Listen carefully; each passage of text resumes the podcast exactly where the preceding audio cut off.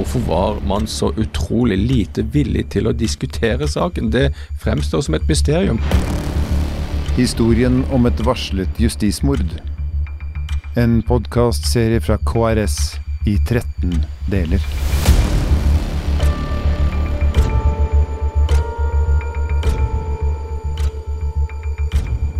Del 9. Når vi snakker om Baneheia-saken, justismord, eller også justisfeil, som du Ole Dag er nøye med å si av og til at vi må bruke som terminologi, eh, så forton... Altså, jeg er jo helt lekmann på dette, og når jeg ser den lista over uh, instanser og system vi har, alt fra gjenopptakelseskommisjonen på toppen til politiet i bånn og forsvarer og presse ved siden av det, uh, så, så, så, tenker jeg har vi ikke rigga oss med et opplegg som gjør at dette her ikke skal skje? At vi tar så feil? Jo, vi har jo en rekke kontrollfunksjoner, sikkerhetsventiler, alt mulig i uh, straffesakssystemet i rettsstaten vår. Og um, det er jo nettopp dette granskninga som Rui-utvalget skal se på og levere sin innstilling slutten av uh, neste år. Og um, ja, De som jo, nå har satt seg ned for å se på hele Baneheia-saken, hva skjedde? Ja, justisministeren satte jo ned et utvalg som fikk en egen lov for mm. å få tilgang til den informasjonen man trenger for å få innsyn, mm. for å kunne forstå hva som har skjedd. Det understreker jo hvor viktig det er, og hvor vanskelig det er å få informasjon om en straffesak, mm. selv for våre egne myndigheter. Men ja, eh, det er eh, et mysterium hvordan tunnelsynet til politiet Eh, da løp gjennom hele systemet og ikke ble avslørt. Så det du sier nå, at det som startet egentlig i det små, altså i den nederste delen av dette hierarkiet, eh, det ble med hele veien? Smittet, på en måte? Ja, jeg har ikke noe veldig godt uh, begrep for det. Uh, og jeg vet heller ikke selv om tunnelsyn er riktig å bruke. Politiet fant den riktige gjerningsmannen. De fant Jan Helge Andersen, og så gikk eh, Viggo med i dragsuget. Og fortellingen som da ble skapt av politiet der da, den eh, holdt seg. Den eh, ble ikke rokket gjennom det som skal være kontrollfunksjoner. Dette skulle vært avkledd senere, og jeg har jo veldig behov for å ha en ordentlig gjennomgang for å forstå hvordan alle de ulike elementene på en måte spilte på lag her. Og da handler det om fortelling om Viggo som monster, men eh, det eh, er jo mye mer sammensatt enn som så. For å begynne helt på begynnelsen, Anders, så var det jo politiet sjøl som etterforsker saken. Og det er jo slik at man da har jurister, det som heter påtalemyndigheten i Norge. Mm. De skal jo kontrollere og se de skal passe på politiet? Ja, de skal se hvilke de har ansvar for å se hvor i eh, straffeloven vi er, eh, for å se hvilke brudd det er, og man har eh, de nødvendige funn for å støtte opp under en eventuelt mistanke osv. Mm. Eh, siktelse og tiltale osv. Eh, det skal egentlig fungere som en kontrollfunksjon også, men i Norge har vi jo noe veldig spesielt. Eh, vi har eh, fellesfunksjoner. Arne Pedersen var jo utdanna jurist. Mm. Eh, men han ledet det som blir kalt Felleskrimmen i Agder. Eh, det gjorde han i, i, veldig mange år, til han eh, gikk av som pensjonist. Eh, så han eh, for å si det litt sånn slemt, da, der det er bukken til havresekken. For at han var juristen som skulle passe på politiets arbeid, men var da i en integrert funksjon. Mm. Politi og jurist. Sånn har vi det i Norge. Og vi mener at det er effektivt, og det er bra. Andre land mener at man bør skille dette, og den diskusjonen har også virkelig foregått i Norge. Eh, ikke fått mye oppmerksomhet fra journalister, men allerede fra 1987 så nedsatte regjeringa det såkalte Skilleutvalget, mm. som nettopp diskuterte om ikke man skulle ha litt større avstand da, uh, mellom, uh, mellom, disse organene, for å også kunne se at man hadde en slags objektivitet og kontroll og, og sånt. Um, så, så, det er eh, Her har vi et uh, sted å, å, undersøke hva egentlig uh, skjedde. Mm. Uh, men det neste punktet, da, i en alvorlig straffesak, så med en alvorlig um, strafferamme, så skal jo da statsadvokaten inn. Mm. Og I Norge har vi da ulike statsadvokatembeter som er samla i ulike norske regioner. Og Her var det altså Agder statsadvokatembeter som hadde eh, saksansvaret. Og det var eh, førstestatsadvokat Edvard Dahl mm. eh, som, eh, eh, som hadde ansvaret for saken der, og skulle da være i de beste hender. Det betyr jo at eh, Edvard Dahl møtte etterforskningsledelsen og hadde flere møter med Arne Pedersen for å se på saken og gjøre seg opp en oppfatning, og som senere skulle på en måte overta ansvaret. Og det vi kan konkludere med her nå i ettertid, i det tydelige lyset som er, er jo at uh, den oppfatningen som Pedersen hadde, i, som representerte de to første steppene her, det smittet åpenbart over på statsadvokaten. Ja, og det går også delvis fram av boka mi hvordan dette foregikk, og noe av diskusjonene der. Um, det vi eh, Men er det reelle diskusjoner der? Hvem andre får statsadvokaten sin informasjon ifra? Hvis han har et møte med politisjefen som har bestemt seg, så er det jo, er det jo lett å bli enig. Ja, dette tror jeg granskinga vil gå lenger inn i. Uh, jeg kjenner ikke til omfanget av deres kontakt, mm. og, og, vil ikke på en måte være veldig eh, tydelig der. Jeg er sjøl veldig nysgjerrig på, på Edvard Dahl og hans vurderinger. Jeg intervjuet han for Nettavisen da Viggo ble kjent endelig skyldig i lagmannsretten i 2002.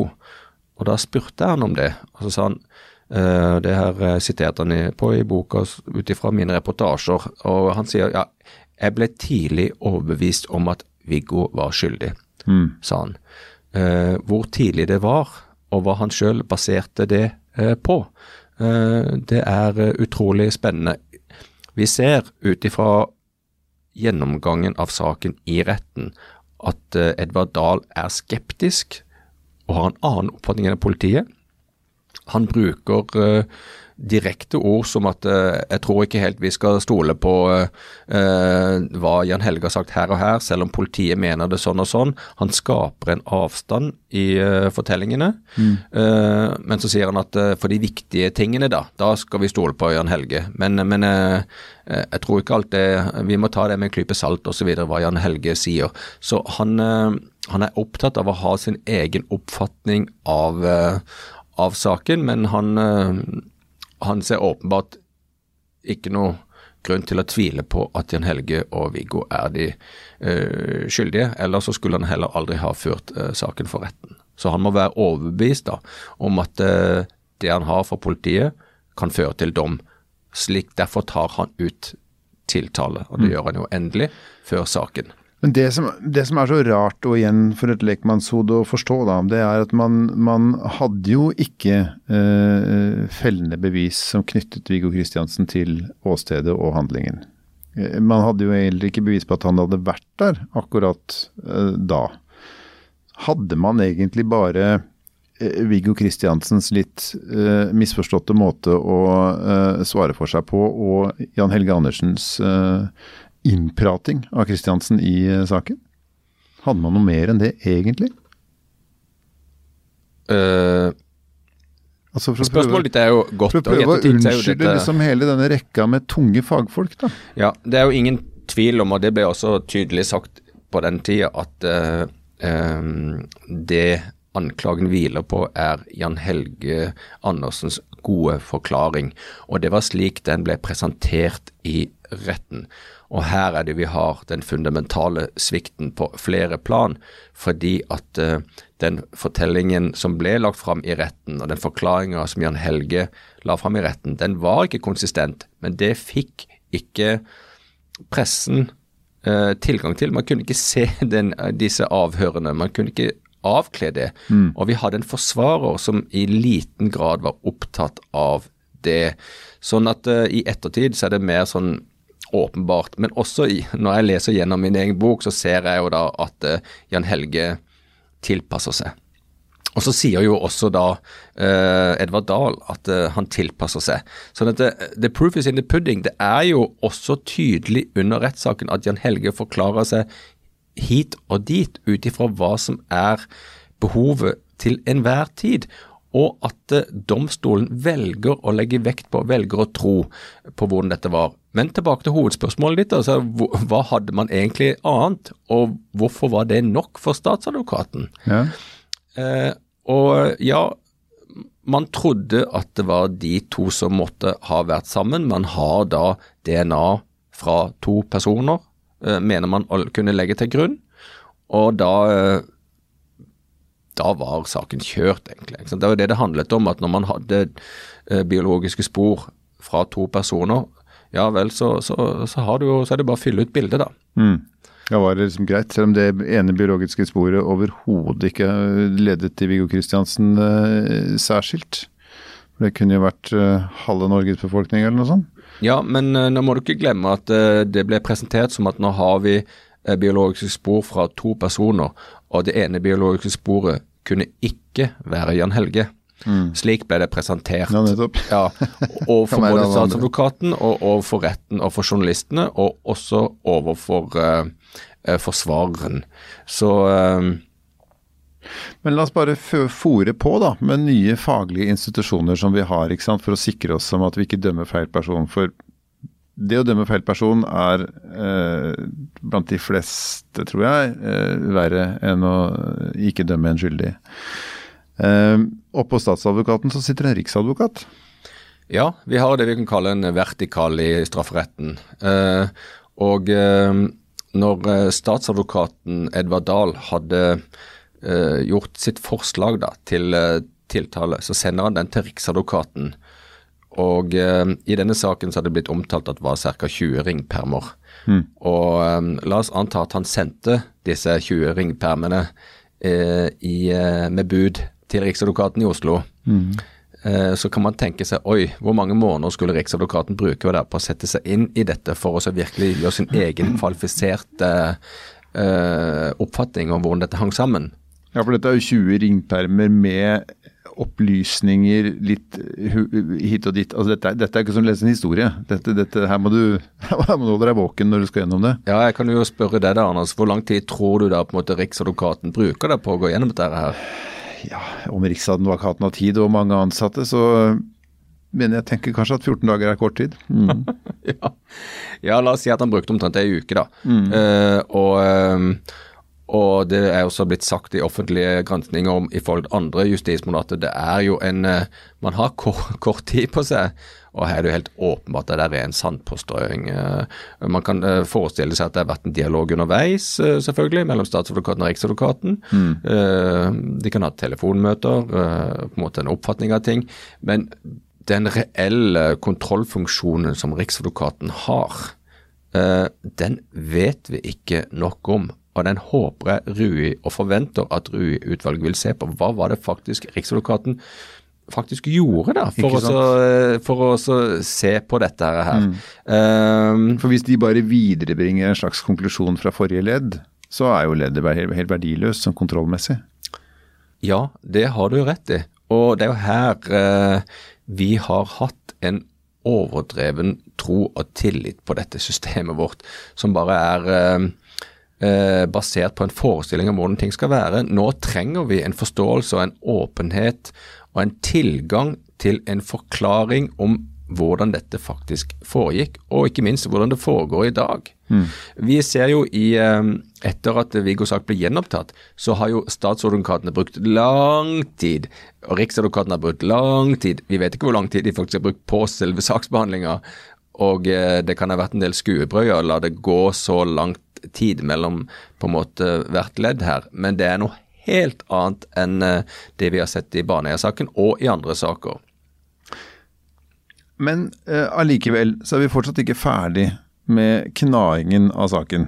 Nå har vi gått gjennom det som har med selve tiltalen å gjøre. Det å bygge saken som man tror kan komme Altså laste opp dette godstoget da, som skal til denne ene stasjonen som heter domfellelse, eh, og, og, ende opp der i, i, i, med, med, sikker kurs.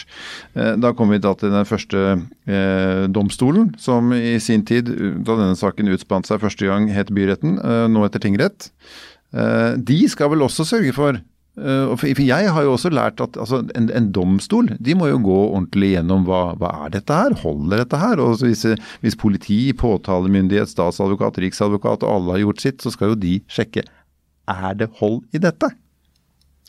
Før de dømmer en stakkar til 21 års forvaring. Ja, det er jo nettopp det. Og uh, hvor lang tid er det egentlig Eh, de bruker eh, på dette. Eh, I byretten så var det vel 21 dager og 54 vitner. Og de har jo også støttefunksjoner. De har jo da sakkyndige som de oppnevner ja. til å på en måte gjøre observasjoner og for å kunne ha liksom et apparat.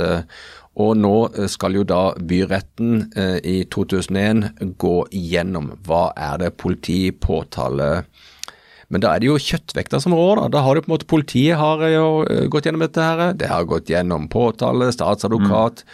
Og riksadvokat. Og når du får dette på bordet da, som eh, en dommer i byretten, så eh, er jo spørsmålet i hvilken grad har du en clean sheet, tabula rasa, eh, hvor eh, forhåndstuna er du?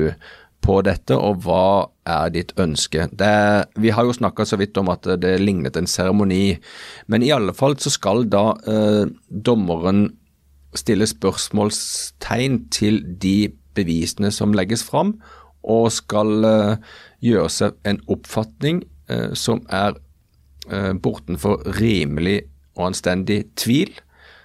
Hvis de finner det, så skal de da finne vedkommende skyldig. Og i mitt arbeid med denne boka så har det blitt veldig klart for meg at både byretten og lagmannsretten så er de virkelig ikke opptatt av å stille spørsmål ved de bevisene som legges fram. Det er i veldig liten grad at dommerne pirker i uh, dette. Uh, og det er jo her vi snakker om dette godstoget. Man laster opp retten med uh, vitner og fasiliterer da en gjennomgang av saken hvor det er helt åpenbart at Viggo Kristiansen sammen med Jan Helge Andersen kommer til å bli dømt. Men da er det jo du Vi har brukt ordet seremoni, men da er det jo Og vi har også brukt ordet skuespill. Um, da virker det nesten som om det at de på en måte er, har klokketro på hele det faglige systemet som har brakt saken til domstolen. Og når en først kommer dit, og ting ser bra ut, og man ikke pirker i det som du sier, så er det jo bare å dømme, da. Å komme seg hjem klokka fire. Nå er jeg stygg, jeg vet det, men, men Ja, jeg syns du, du, er litt stygg, fordi at eh, jeg har også en veldig stor tro på integriteten og på faglige tyngden til alle disse. Men men kan det være kutyme å ikke pirke? Kan det være vanskelig å pirke? Det å være kritisk, det å være det å, å, å, å, begynne å stille spørsmålstegn ved noe som noen som du til og med kanskje kjenner, da, eh, har gjort en kjempejobb rundt. Du, det er eh, mellommenneskelig vanskelig å få til. Ja, du pirker noe som er uh, utrolig uh, vesentlig, også i diskusjonen om ny straffeprosesslov som har pågått nå i ti år i Norge, hvor nettopp ansvaret domstolen selv har for å pirke i og stille spørsmålstegn ved det påtalemakten legger fram i retten, er eh, nå faktisk eh, under en svært stor diskusjon. Det er jo bare noen eh, uker siden en dommer i eh, Arendal Eh, fikk smake eh, pisken for å ha stilt for mye spørsmålstegn eh, ved en sak som da en statsadvokat fra Agder la fram. Men det du har veldig rett i, er at vi trenger en diskusjon i hvor stor grad dommerne skal stille spørsmål ved det påtalemyndigheten har lagt fram. Det er jo slik at påtalemyndigheten har ansvar for å legge fram det, og hvis det er bra nok, så skal man dømme. Hvis ikke det er bra nok, så skal man frikjenne. Men dommerne har et ansvar om å tåle kritikk og en gjennomgang i hvilken grad de har utøvd sin kontrollfunksjon. Jo, men hvis du har klokketro på at ikke en, et politi, en påtalemakt, en statsadvokat og en riksadvokat tar den saken til ditt bord, som er domstolen, uten at de er helt sikre. Hvis du er sikker på det, så kontrollerer de ikke. Jeg har liksom lyst til å bringe inn det gamle, gode begrepet som heter djevelens advokat. Ikke en advokat som er der for å eh, eh, prosessere noe eller noe sånt, men som er der bare for å prøve å pirke i stykker det som ligger som sannhet. Trenger ja. vi en sånn funksjon? Ja, Skal vi ha djevelens advokat inn i rettsvesenet vårt? Jeg hører hva du sier, Anders, og da må jeg bare ta to skritt tilbake og forklare to ting om det norske rettssystemet.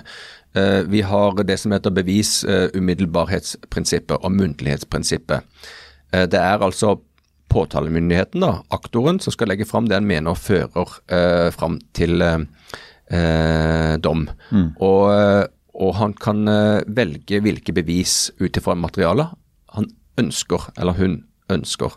Eh, så er det opp til forsvareren å legge fram det for retten som man mener skal føre til et annet resultat. Det pålegger partene også da i, i strafferetten. Mm. Det er altså forsvareren som skal gjøre sin jobb, og så er det påtalemyndigheten som skal gjøre sin jobb. Så skal det altså være opp til um, domstolen da, og til dommerne og høre på de to ulike versjonene. Og man har da i veldig mange år hatt en tilbakelent rolle uh, i domstolene til å eh, la disse liksom fremføre sine argumenter. Mm. Men det er jo helt åpenbart i denne saken, og helt sikkert i ganske mange andre saker også, at uh, når det gjelder tunge saker, så uh, skal det veldig mye til før uh, domstolen, før dommerne på en måte pirker i og stiller spørsmål ved det påtalemyndigheten legger fram. og det ansvaret de har, det har uh, man nå uh, lagt større vekt på. Uh, det er jo veldig lenge siden straffeprosesslovens 294 ga dommerne plikt til å sørge for at saken er godt nok opplyst, og det er jo åpenbart at de ikke fulgte opp i Baneheia-saken.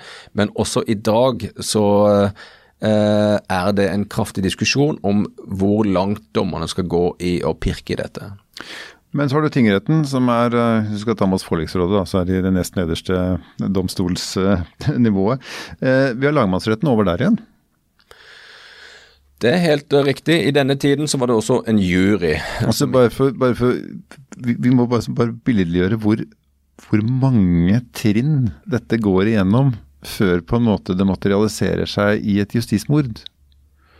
Ja, det går jo gjennom mange trinn. Først har det gått gjennom alle disse trinnene for å ta ut tiltale og bestemme seg for at det, faktisk de to uh, bør kjennes skyldig. Mm. Så har vi altså vært i, i, byretten, da, som heter tingretten nå. Uh, så går det et uh, drøyt halvår. politiet tar noen nye undersøkelser rundt mobilbevis og sånt, for de er litt misfornøyde med hvordan den overraskende kom på bordet.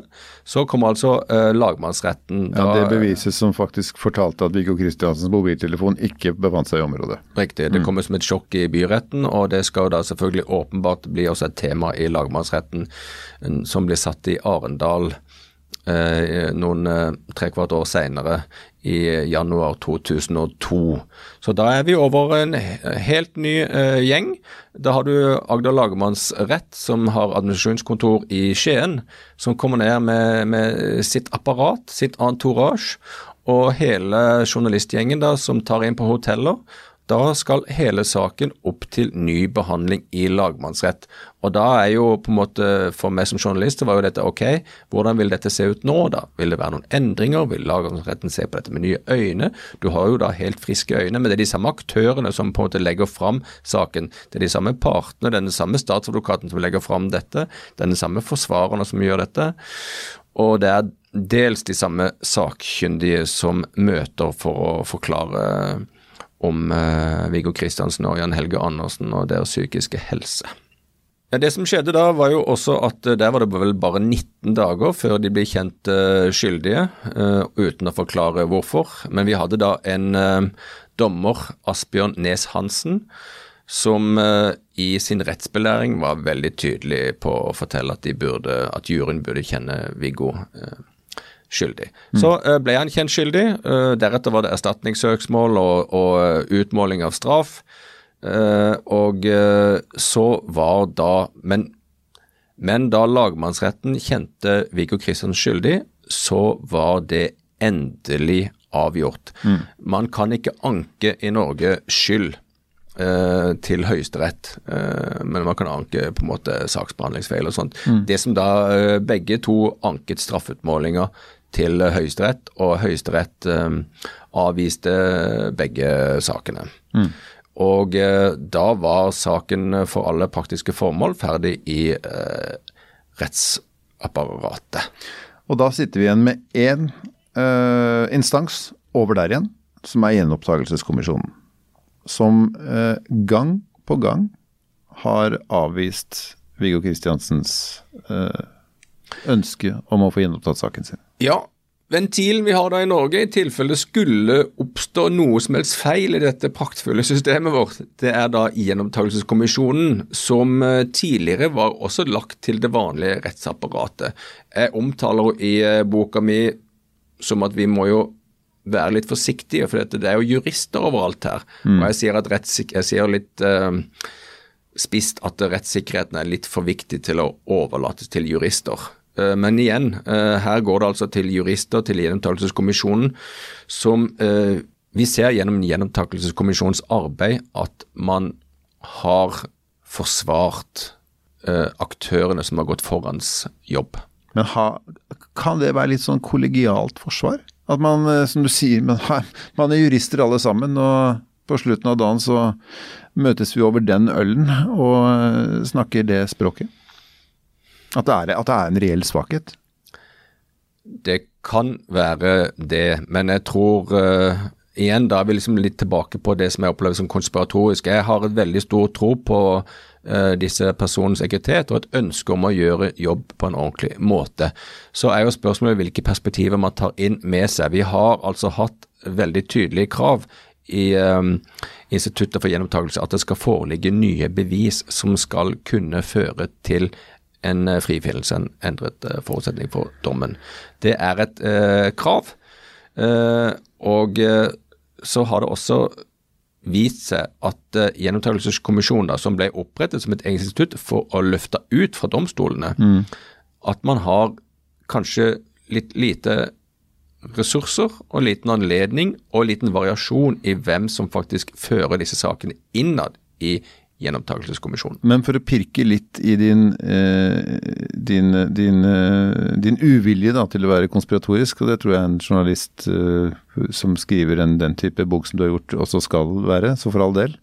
Men hvis vi snakker om habilitet og inhabilitet, som er juridiske størrelser, eh, så kan det grunne i mye, og det er definitivt ingen veldig klare grenser. Vi har dratt opp noen, men, men allikevel. Et kollegie kan jo også påvirke habilitet. Og her har vi jo et kollegie som hele tiden skal vurdere et kollegie som skal vurdere et kollegie som skal vurdere et kollegie. Altså det, det er jo ikke noe som du selv sier, det er jo ikke noe ende på juristrekka her. Nei, men du har jo helt rett i disse tingene. Litt av årsaken til De farges jo av det. Ja, jeg er bare litt forsiktig, for dette er Jeg skjønner noe... deg som journalist bedre fordi jeg er journalist. Jeg kan ikke Jeg tror du har helt rett. Jeg bare sier at eh, jeg vil gjerne at denne gjennom gangen av gjenopptakelseskommisjonens arbeid skal gjøres av folk som har anledning til å gå inn i det. Det er ingen tvil om at eh, vi kan se at eh, lederen eh, av kommisjonen i den første perioden, Helen Sæther, var enormt, for å si det pent, kritisk til Kristiansen og hans og hans forsvarere da de kom der og ville ha gjenopptakelse. Og eh, så kan man jo spekulere på hvorfor var man så utrolig lite villig til å diskutere saken. Det fremstår som et mysterium. Det er ingen tvil om at eh, kolleger og um, koblinger kan ha spilt en rolle. Jeg er veldig spent på dette. Ann-Kristin Olsen, som var tidligere sysselmann på Svalbard, som også hadde en sentral rolle i kommisjonen en periode, som også hadde hadde spilt en rolle eh, senere for Stine Sofies stiftelse. Eh, så hvilke roller man går i, hvilke hatter man har på, så er åpenbart at det kan bety eh, noen ting.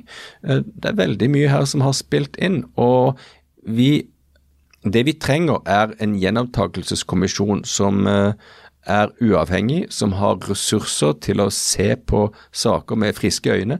Men du skal ikke glemme at også gjenopptakelseskommisjonen har faktisk gjenopptatt veldig mange saker det, det, er bare å følge med på hjemmesiden til kommisjonen, så renner det ut jevnlig hvordan de gjenopptar saker, og i altfor liten grad blir seg gjenstand for uh, journalistisk produksjon.